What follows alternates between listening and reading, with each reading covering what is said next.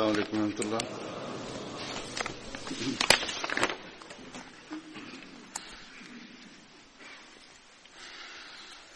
أشهد أن لا إله إلا الله وحده لا شريك له وأشهد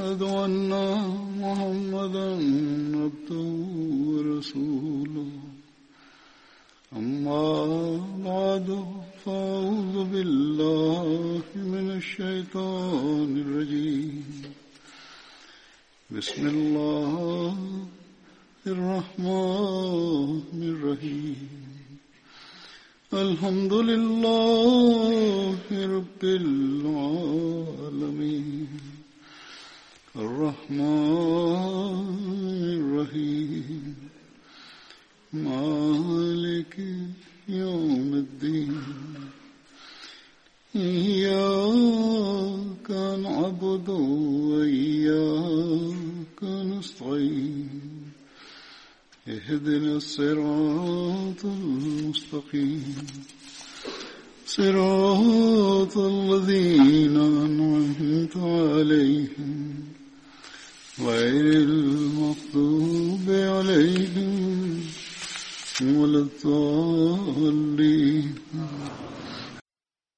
Prvi ashab koji je učestvovao na Bedru i kojeg ću spomenuti danas je Hazreti Ubejd bin Ebu musi bin Musi ibn Hisham. prenosi da je on iz Aus plemena koje je bilo ogranak od Benu Umeja. Hazreti Ubejd je učestvovao u bitkama na Bedru, Uhudu, Hendeku i u svim ostalim bitkama uz časnog poslanika sallallahu alaihi veselam i nema drugih detalja u njega. Sljedeći ashab kojeg ću spomenuti je Hazreti Abdullah bin Numan bin Baldina. Njegov djed od oca se zvao Baldina ili Balzima. On je bio iz ensajskog plemena Benu Kunas, koji je ogranak od Hazrađ plemena. Njegov rođak je bio Abu Kutada, sa očeve strane, on je učestvovao u bici na Bedru i Uhudu.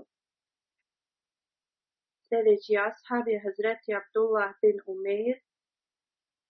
On je pripadao Benu Džedara plemenu. Učestvovao je u bici na Bedru. U jednom hadisu se prenosi da njegov otac se nije zvao Umeir, već Ubeid.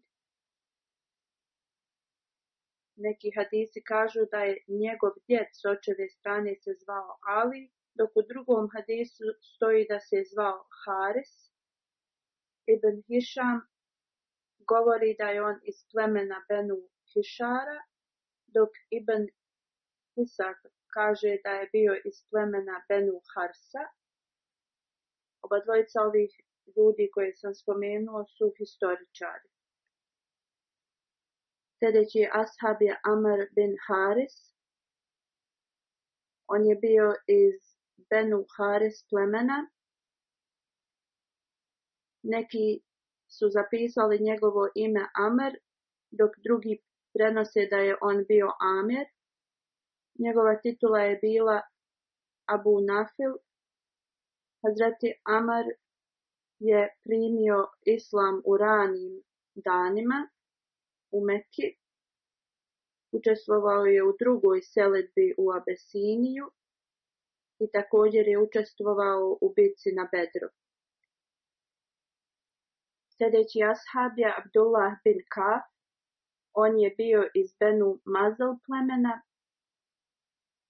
Njegov otac se zvao Kab bin Amr, majka mu se zvala Ruba bint Abdullah, on je imao sina po imenu Kab od supruge Zubejda bint Aus. Učestvovao je u bitci na Bedru. U toku bitke na Bedru časni poslanik sallallahu alaihi veselam ga je postavio da nadgleda ratni plijen. Također poslanik sallallahu alaihi veselam i u drugim borbama mu je davao ovu dužnost da nadgleda ratni plijen. Učestvovao je bitci na Bedru, Uhudu, Heku i svim ostalim bitkama uz časnog poslanika sallallahu ve sellem. On je preminuo u Medini u toku hilafeta Hazreti Osmana radijallahu anhu u 33. godini poslije Hidžre. Njegovu dženazu je klanjao Hazreti Osman radijallahu anhu on je imao titulu Ebu Jahja. Sljedeći ashab je Abdullah bin Kejs. On je pripadao Benu Nadjar plemenu. Njegov djed s očeve strane prema historičarima se zvao Alid. Također u Tapkatul Kubra njegovo ime je spomenuto kao Halid. Njegov sin se zvao Abdurrahman i kćerka Umeira. Njihova majka se zvala Suad bint Kejs. Također je imao još jednu kćerku Umi Al. Učestvovao je u bitci na Bedru i Uhudu. Abdullah bin Mohamed bin Ensaja prenosi da je on postao šehid na Uhudu dok prema drugim hadisima govori, oni prenose da on nije poginuo na uhodu i da je učestvovao u časnog poslanika Allahu veselem u svim ostalim borbama i ekspedicijama. Azur kaže nekad ima različitih detalja u vezi iste osobe historijski i u hadisima. Zbog ja spominjem sve njih. Sljedeći je Ashab je Selema bin Aslam. On je pripadao Benu, Harsa plemenu. Njegov otac je zvao Aslam. U jednom hadisu se prenosi da je njegov djet bi se zvao Rajš, dok u drugom Idris. Njegova titula je bila Ebu Sad, on je bio sin od Sa'd binti Rafta, učestvovao je na Bedru, Uhudu, Hendeku i u svim ostalim borbama uz časnog poslanika sallallahu alaihi veselam. U bitci na Bedru zarobio je Said bin Ubejd i Numan bin Amr. Hazreti Salma bin Aslam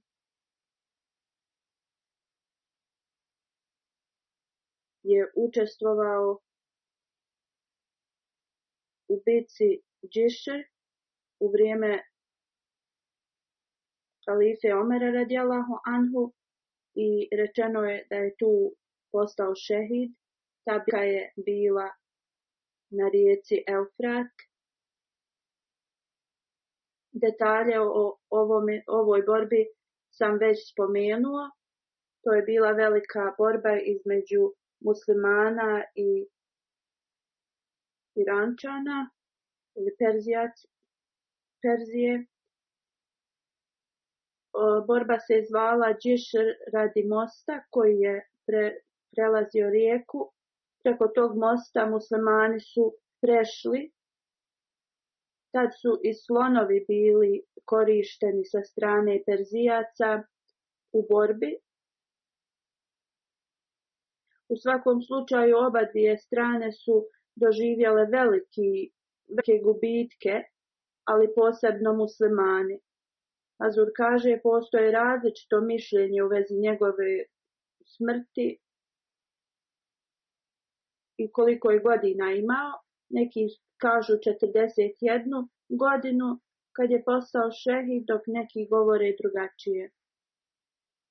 Sirat Harabija, koja je poznata knjiga u vezi biografija o Bici na Bedru, spomenuto je kao dokaz istinitosti časnog poslanika sallallahu alejhi ve sellem ili kao neko čudo u vezi poslanika sallallahu alejhi ve da mač od Hazreti Selma se slomio i tad mu je časni poslanik sallallahu alejhi ve sellem dao granu od drveta ili neki predmet da bori sa njom kad mu je to časni poslanik sallallahu alejhi ve sellem dao, taj predmet je postao kao mač koji je on uvijek držao kod sebe.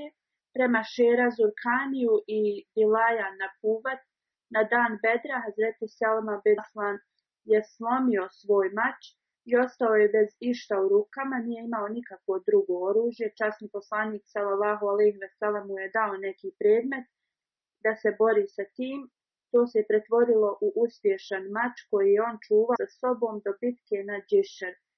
Njemu je bio, Hazur kaže, njemu je bio dat neki štab, ali se pretvorio u mač. prenosi se da je zastavu nosio Hazreti Zaid, a zastava Ensarija je bila Bad bin Ubada. Časni poslanik sallallahu alejhi ve sellem je postavio Selema bin Aslam kao vođu 200 ljudi muslimanska armija je tad imala različite bataljone i on je predvodio jedan bataljon koji je imao dvije boraca. Zaid bin Harisa je predvodio 300 ljudi, imali su dužnost da se, da se brinu o čuvanju Medine oni su išli naokolo i glasno su govorili Allahu ekber, Allahu ekber. Razlog ovome je bio jer je postojala mogućnost da će ih neko da napadne sa neke strane. I zbog toga su oni to radili.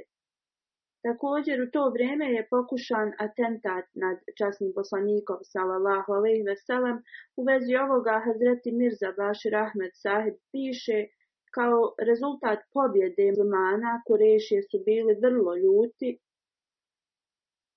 i ova, ovo neprijateljstvo je bilo najviše od Ebu Sufijana koji je tad bio vođa Meke i on je bio žestoko ljut jer se smatrao osramoćenim pobjedom muslimana. On je držao ovu vatru neprijateljstva u sebi, ali onda nije mogao da to drži u sebi i počeo je da ispoljava najveću mržnju oni su imali prema časnom poslaniku salavahu alejhi ve Ebu Sufjan je smislio da ove borbe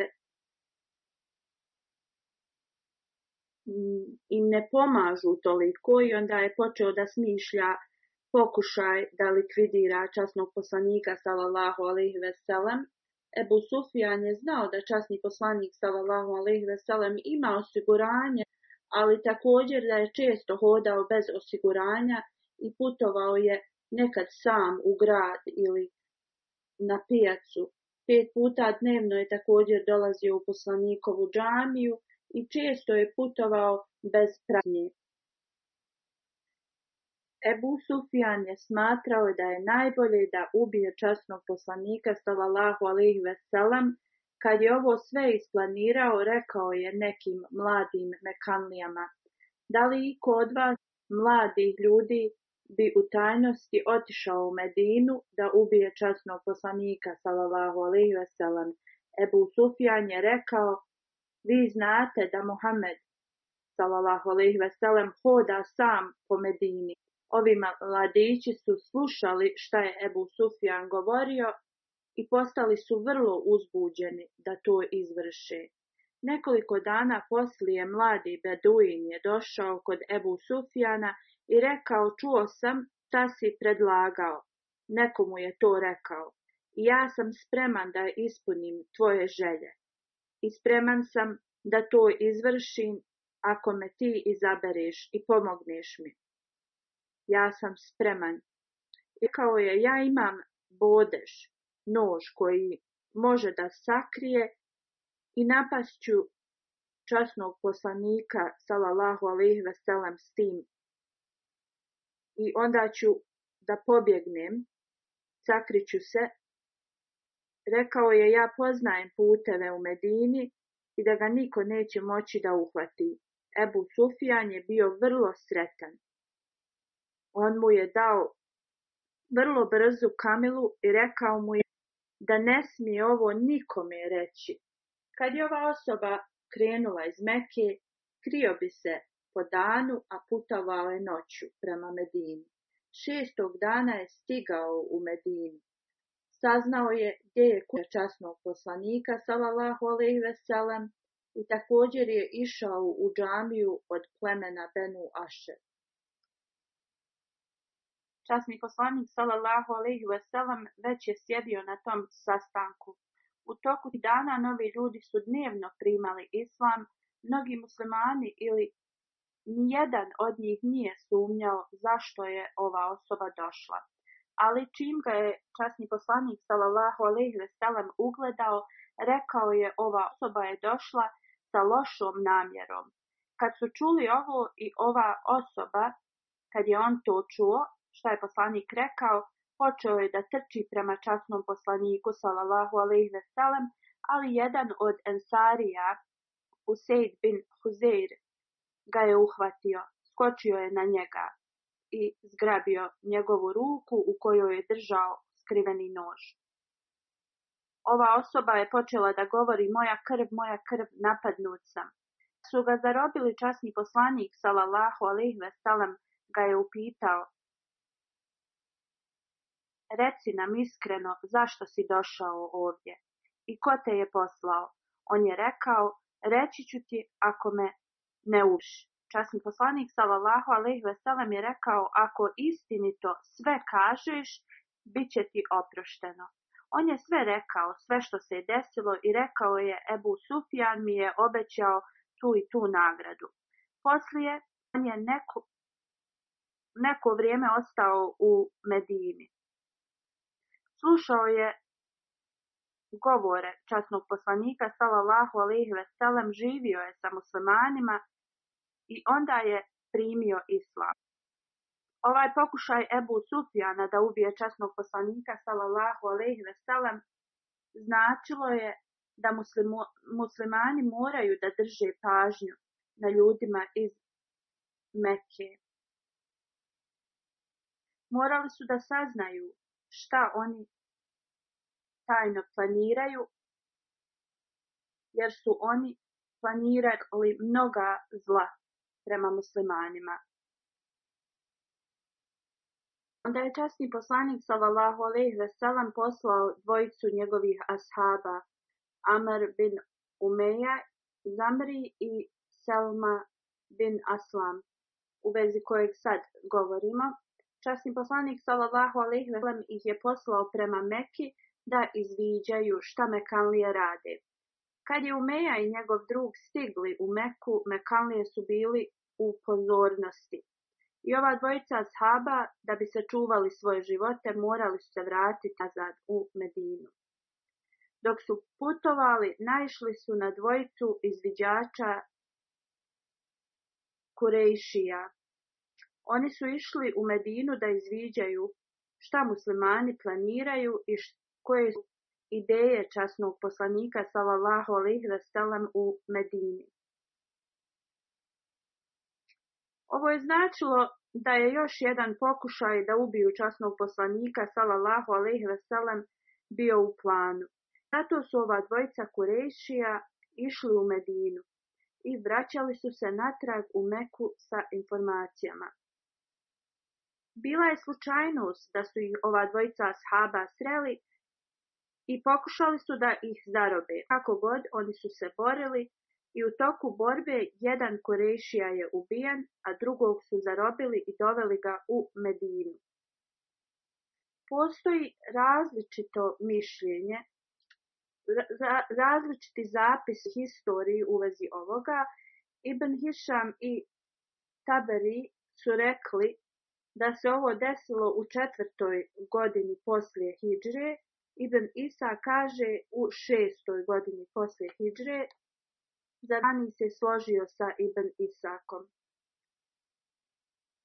Hazreti Mirza Bashir Ahmed Sahib dok je analizirao ove različite datume piše da se i on slaže da je to bilo u šestoj godini poslije hidre, ali Allah zna najbolje. Prema hadisu koji prenosi Ibn Isak, ali nismo sigurni za tačan datum. U toku ugovora na Hudejbi Hazreti Salma bin Aslam je spomenut sljedeći način. Hazreti Umija Mara prenosi da na dan ugovora na Hudejbi gledala sam u časnog poslanika Salallahu alaihi veselam kad je sjeo. Hazreti Ubad bin Bishr i Hazreti Selema bin Aslam, Oba dvojica su nosili štit i stražarili su pored časnog poslanika, salallahu alaihi veselem. Tad je kurejšijski vođa Suhail bin Amr podigao se glas.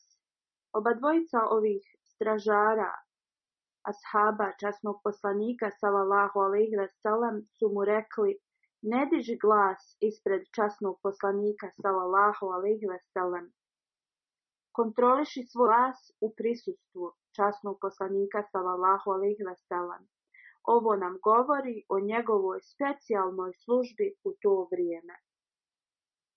Sljedeći ashab je Hazreti Ukba bin Usman. Njegova majka se zvala Umi Džehmil bin Ukba. On je iz ensarijskog plemena Benu Zurejk Hazreti Ukba je učestvovao u bici na Bedru i Uhudu sa svojim bratom Hazreti Sad bin Usman. Spomenuto je u historiji da nekoliko ljudi koji su bili ranje u toku Bedra, od njih eh, je bio Hazreti Ukba bin Usman i Hazreti Sad bin Usman. U tom stanju oni su došli do planine, tu su morali ostati tri dana. Avus je lokacija nekoliko milja udaljena od Medine. Kad su njih dvojica se vratili kod časnog poslanika, salalahu alaihi wasalam, oni su ispričali šta im se desilo. Časni poslanik, salalahu alaihi je rekao gdje su oni išli, ali u svakom slučaju časni poslanik im je oprostio za te greške. Hazreti Abdullah bin Sahel je sedeći ashab Benu Zaura, on je iz plemena Benu Zaura, koji je ogranak plemena Benu Abdul Ashel. Njegovo ime je prema nekima zapisano Zaid, a prema nekima Rafi, njegova majka se zvala Saba bint Taih Ona je bila sestra od Abdul Hajsama. Hazreti Abdullah je imao brata koji se zvao Rafi bin Sahal. On je učestvovao sa svojim bratom Ubici na Uhudu i Hendeku, Hazreti Abdullah je postao šehid na Hendeku, u na Hendeku. Prijela ga je pogodila. Mugira bin Hakim prenosi, upitao sam Hazreti Abdullaha, da li si učestvovao u bici na Bedru? On je rekao I rekao je također, ja sam učestvovao u prvom Bejati Jakva. Umra al-Asad je osam milja udaljeno od Medine, također je spomenuto u Sirat, Siratul Nabi da je učestvovao u ovoj borbi. Ta knjiga je u vezi časnog poslanika sallallahu alejhi Tu se spominje da je Hazreti Ullah bin Sahal i Rasi bin Sahal Obadvojica braće, koji su iz plemena Abdul ashal kad su se vratili sa bitke na Uhudu, bili su jako ranjeni, Hazreti Abdullah je bio više povrijeđen od njegovog brata. Oba dvojica braće su otišli do Hamul Asad kad su čuli da je časni poslanik sallallahu alejhi ve sellem pozivao u borbu. Rekli su tako nam Allah da nismo otišli sa časnim poslanikom sallallahu alejhi ve sellem u borbu, osjećali bi se da nam je nešto uskraćeno. Oni su bili puno ranjeni, a njihova žar da učestvuju je bila velika. Rekli su tako nam Allaha, nemamo sredstva da putujemo, niti znamo kako ćemo da ispunimo ovu dužnost. Hazi Abdullah je rekao svom bratu, kreni, ići ćemo pješke. Do mjesta bitke. Hazreti Rafi je rekao, tako mi Allaha, moje rane su vrlo ješke, ja ne mogu da hodam. Njegov brat je rekao, hodat ćemo polahko i ići ćemo prema mjestu gdje je časni poslanik sallallahu alejhi ve boravio.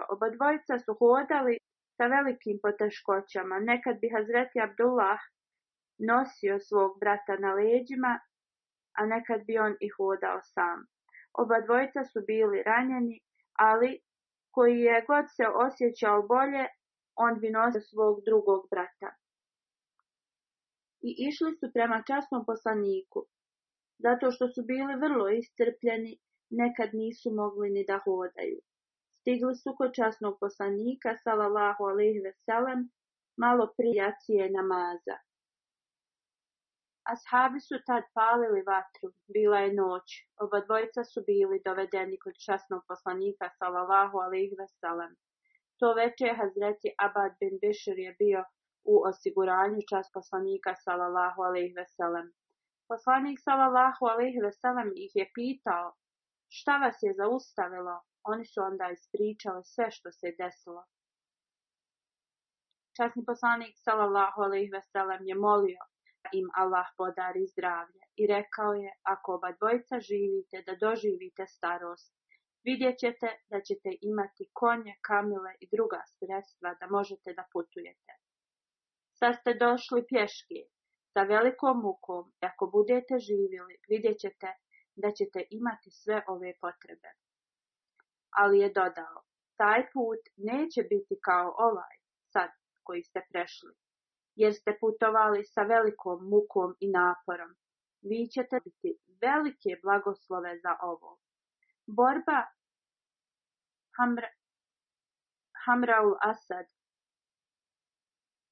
Kakva je to bila borba? i da su ovi ljudi došli sa časnim poslanikom sallallahu alaihi veselem. Neki detalji su spomenuti od Hazreti Mirza Bašir Ahmed Zahir. poslije bitke na Uhudu. Veliki strah muslimani su imali iako Kurešije, njihova armija su otišli natrag u Meku, Muslimani su imali strah da će oni da se vrate i da ih napadnu. Izgledalo je da Mekanlije odlaze, jer su pobijedili i da oni idu u Meku, ali su se muslimani bojali da to nije bila samo jedna od njihovih sletki i da će se vratiti ponovo da napadnu. Muslimani su se bojali da će Mekanlije radi njihove pobjede na Uhudu da napadnu Medinu, tako su postavili izvidnice i poduzeli su mjere sigurnosti. Ashabi su čuvali kuću poslanika salallahu ali ve i ujutro prije sabah namaza časni poslanik salallahu alaihi veselam je dobio, dobio vijesti da armija od Kurejšija se zaustavila nekoliko milja udaljeno od Medine. Vođe Mekije su vodile debatu da li bi trebali da napadnu Medinu. I onda su prigovarali jedni drugima, govoreći niti smo ubili časnog poslanika, niti smo ubili njihove žene, niti njihovo bogatstvo. I kad smo imali priliku da ih dovršimo, otišli smo i napustili Medinu. sada oni su se mogli oporaviti. I ovo nam je šansa da se vratimo u Medinu i iskoristimo je. Neke vođe iz Mekije su rekli, dobili ste pobjedu, smatrajte to pobjedom i vratite se u Meku. Nemojte da pjedu pretvorite u poraz. Ako se vratite u Medinu i napadnete, zasigurno muslimani će da se bore do smrti ljudi koji nisu učestvovali na Uhudu i oni će da se pridruže. Na kraju mekanske vođe koji su bili za napad Medine su dobili glas i pripremili su se da se vrate u Medinu. Kad je časni poslanik sallallahu alejhi ve saznao, odmah je najavio da se muslimani pripreme i rekao je samo oni koji su bili učestvovali na Uhudu trebaju da idu u ovu borbu. Muđahidin sa Uhuda su se počeli da spremaju. Mnogi od njih su bili ranjeni, dvojicu sam već spomenuo. Oni su zamotali svoje rane i počeli su sa pripremama. Prenosi se da su ovi muslimani bili puni radoš radosti. I oni su se spremali na ovaj put kao da su bili pobjednici. Nekoliko milja kad je časni poslanik sallallahu alaihi veselem došao do Hamraul Asad tu su našli dva tijela od muslimana. Oni su prepoznali da su ovo bila dvojica izviđača časnog poslanika sallallahu alejhi koje je on poslao iza kurešija na izvidnicu, ali su ih kurešije ubili. Časni poslanik sallallahu alejhi ve je naredio da se iskopa mezar i da se ova dvojica šehida tu ukopaju. Tada je pala i noć. I poslanik sallallahu alejhi ve je učio da kampuju u tom mjestu. On im je rekao da zapale vatre svuda okolo kampa i na velikoj razdaljini. 500 vatri je zapaljeno na tom mjestu. Ovo je učinio da ljudi koji su gledali iz daleka pomisle da je ovo bio ogroman kamp sa ogromnom vojskom. Vođa od plemena Kazah, koji se zvao Mabad, došao kod časnog poslanika sallallahu alaihi i izrazio mu je njegovu saučut radi Uhuda.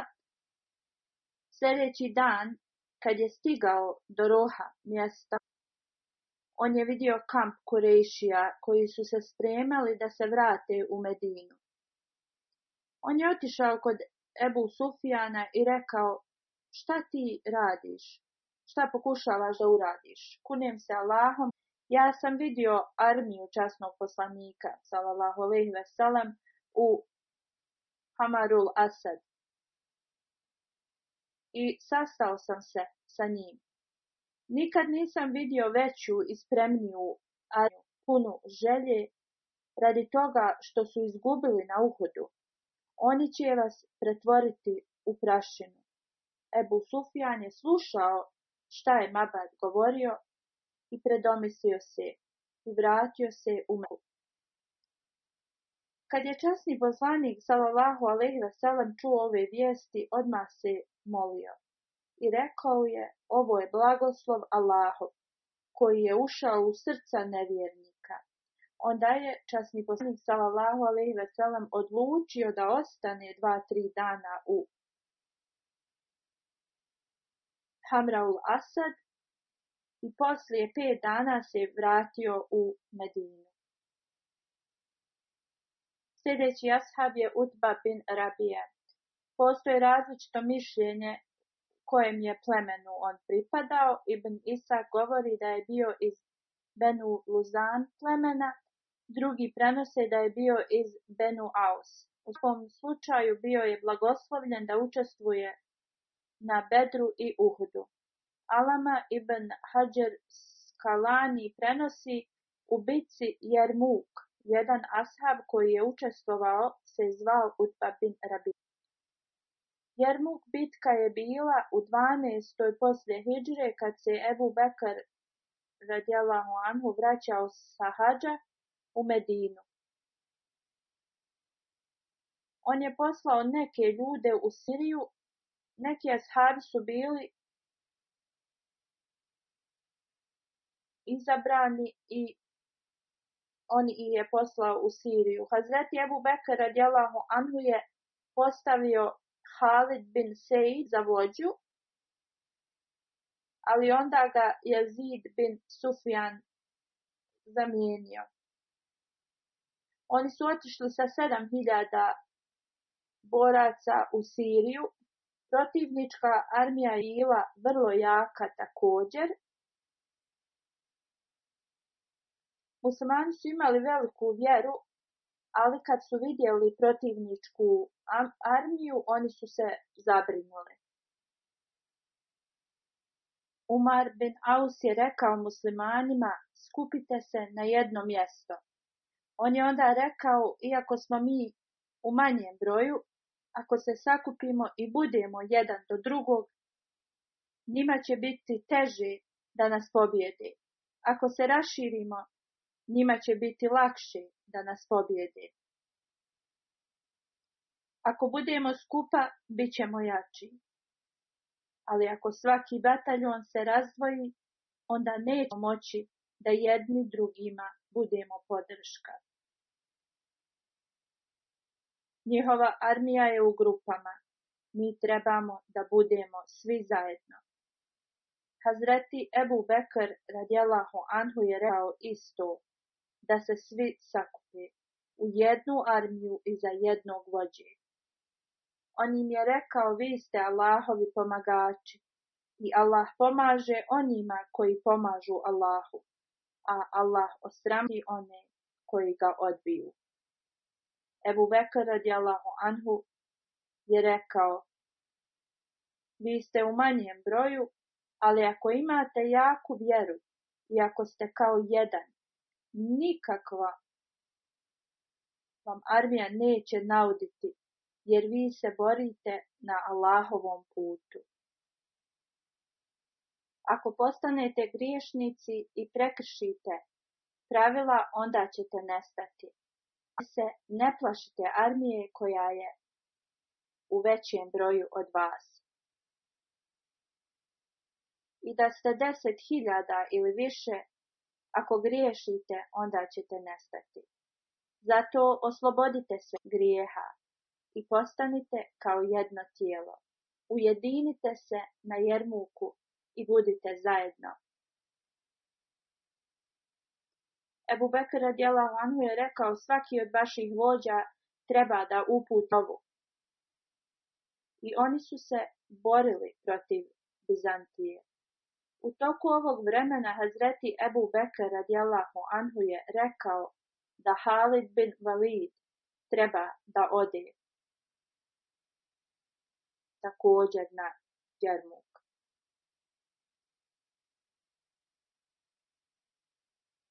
U to vrijeme on je bio guverner u Tiraku. Prije nego što je stigao na ovu borbu, sve vođe su se borili sa svojim bataljonima protiv Bizantijaca, ali kad je Halid bin Valid došao, oni su svi se suglasili da on bude vođa borili su se svi kao jedna armija pod njegovim liderstvom. Bizantici su tada imali oko 200.000 boraca, a muslimani su prema, prema podacima bili između 27.000 do 60.000, što je operila kao jedna petina bizantijske armije. Oni su imali 8.000 ratnika pješaka, 80.000 ratnika pješaka, 40.000 ratnika koji su imali štitove, 120.000 koji su bili svezani lancima jedni za drugog tako da ne mogu da pobjegnu i, i to je značilo da moraju da bore do smrti. 80.000 konjanika da bi davali moral Bizanticima, mnogo sveštenika njihovih popova je bilo prisutno. U isto vrijeme Ebu Bekr Radjelaho Anhu je postao bolestan i u džemati Uhra je preminuo. i lillahi i na ilaihi a Hazreti Halid bin Valid u toku tog raja je napravio 36 do 40 bataljona ili redova. Hazreti Udba bin Rabija je bio vođa od jednog. Hazreti Halid bin Valid im je rekao, iako su oni veći u broju, na način na koji smo se mi poredali i strategiju koju ćemo da koristimo, rekao je da muslimani imaju prednost. Jedna hiljada muslimana je bila ljudi koji su vidjeli časnog poslanika sallallahu alaihi veselam, a stotinu ashaba je učestvovalo na ovoj bitci koji su također učestvovali u bitci na Bedru sa časnim poslanikom, salallahu alaihi veselam. I zaslanik iz Medine je došao i donio je vijesti da je sve u redu u Medini, ali također donio vijest o smrti Hazreti Ebu Bekra radijallahu anhu. On je donio vijest Hazreti Halidu bin Validu u tajnosti mu je rekao u vezi smrti Ebu Bekr Allahu Anhu. Hazreti Halid je pitao da li on rekao to vojnicima, on je rekao ne. Samo sam im rekao da je sve u redu u Medini. Hazreti Halid je uzeo to pismo jer je bio zabrut ako muslimani saznaju o smrti Ebu Bekra radijalahu anhu da će da, se oni neće boriti na isti način sa žarom da pobjede. Muslimani su bili spremni i rat je, borba je započela. Borili su se sve do noći sa Bizanticima. Onda su Bizantici počeli da bježe. Sto hiljada nevjernika je poginulo, a tri hiljade muslimana. I Krama Buđehal je također poginuo tad. Kad je kajser saznao, odmah se povukao i napustio je to mjesto. Poslije pobjede Jermuku islam se raširio u cijeloj Siriji i drugim mjestima. Azur kaže, ovo su ashabi koje sam planirao da spomenem danas.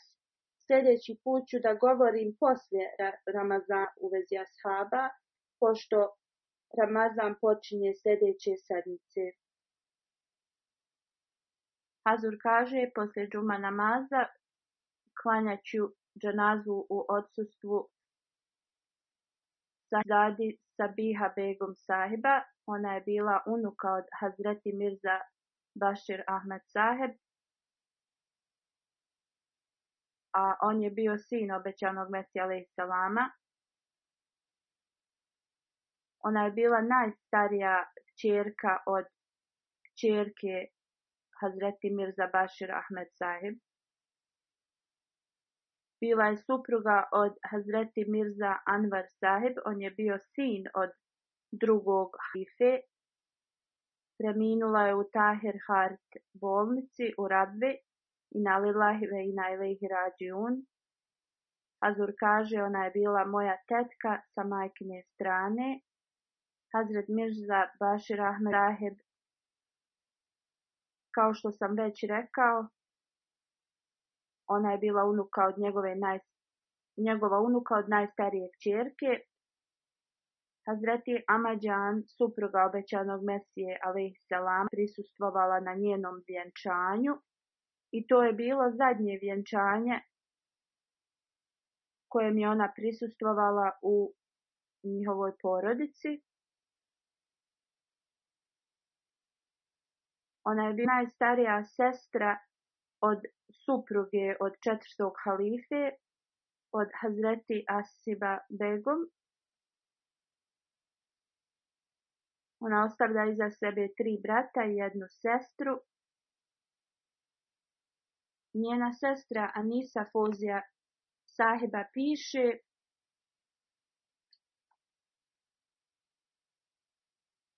Ona je bila najstarija sestra u našoj porodici i naši roditelji su joj davali veću pažnju jer je imala veliko razumijevanje i samopouzdanje i uvijek bi ispunila očekivanja naših roditelja. Također ona bi trenirala, trenirala nas, davala nam dobar moralni trening ona piše, došla je ponuda za brak od jednog od sinova od drugog halife.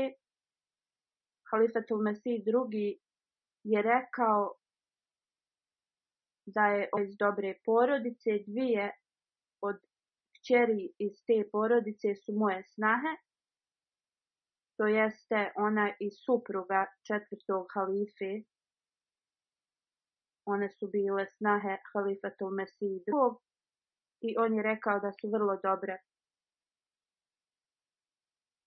Njen sin kaže, moja majka je bila vrlo jednostavna, uvijek je pomagala siromašnima, imala je veliku pažnju prema onima kojima je pomoć bila potrebna, brinula se za ljude i uvijek je pomagala i davala sve od sebe da pomogne onima kojima je potrebna bila pomoć.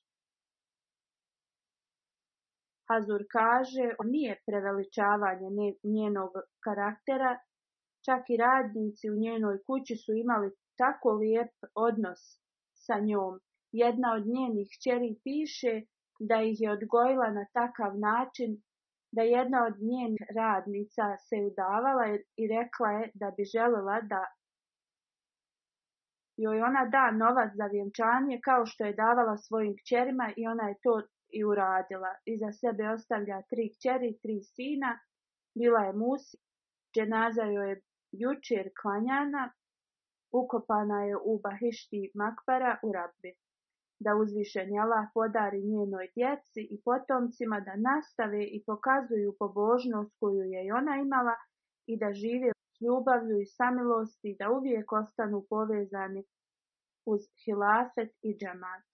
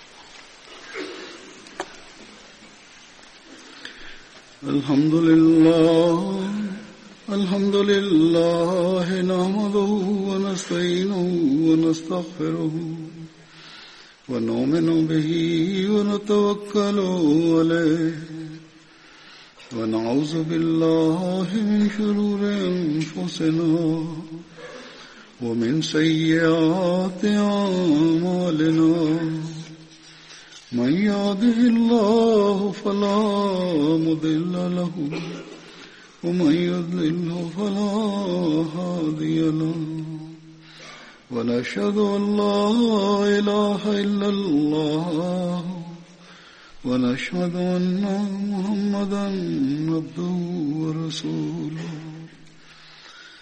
عباد الله رحمكم الله إن الله يأمر بالعدل واللسان وإيتاء ذي القربى وينهى عن الفحشاء والمنكر والبغي يعظكم لعلكم تذكرون اذكروا الله يذكركم وادعوه يستجب لكم ولذكر الله أكبر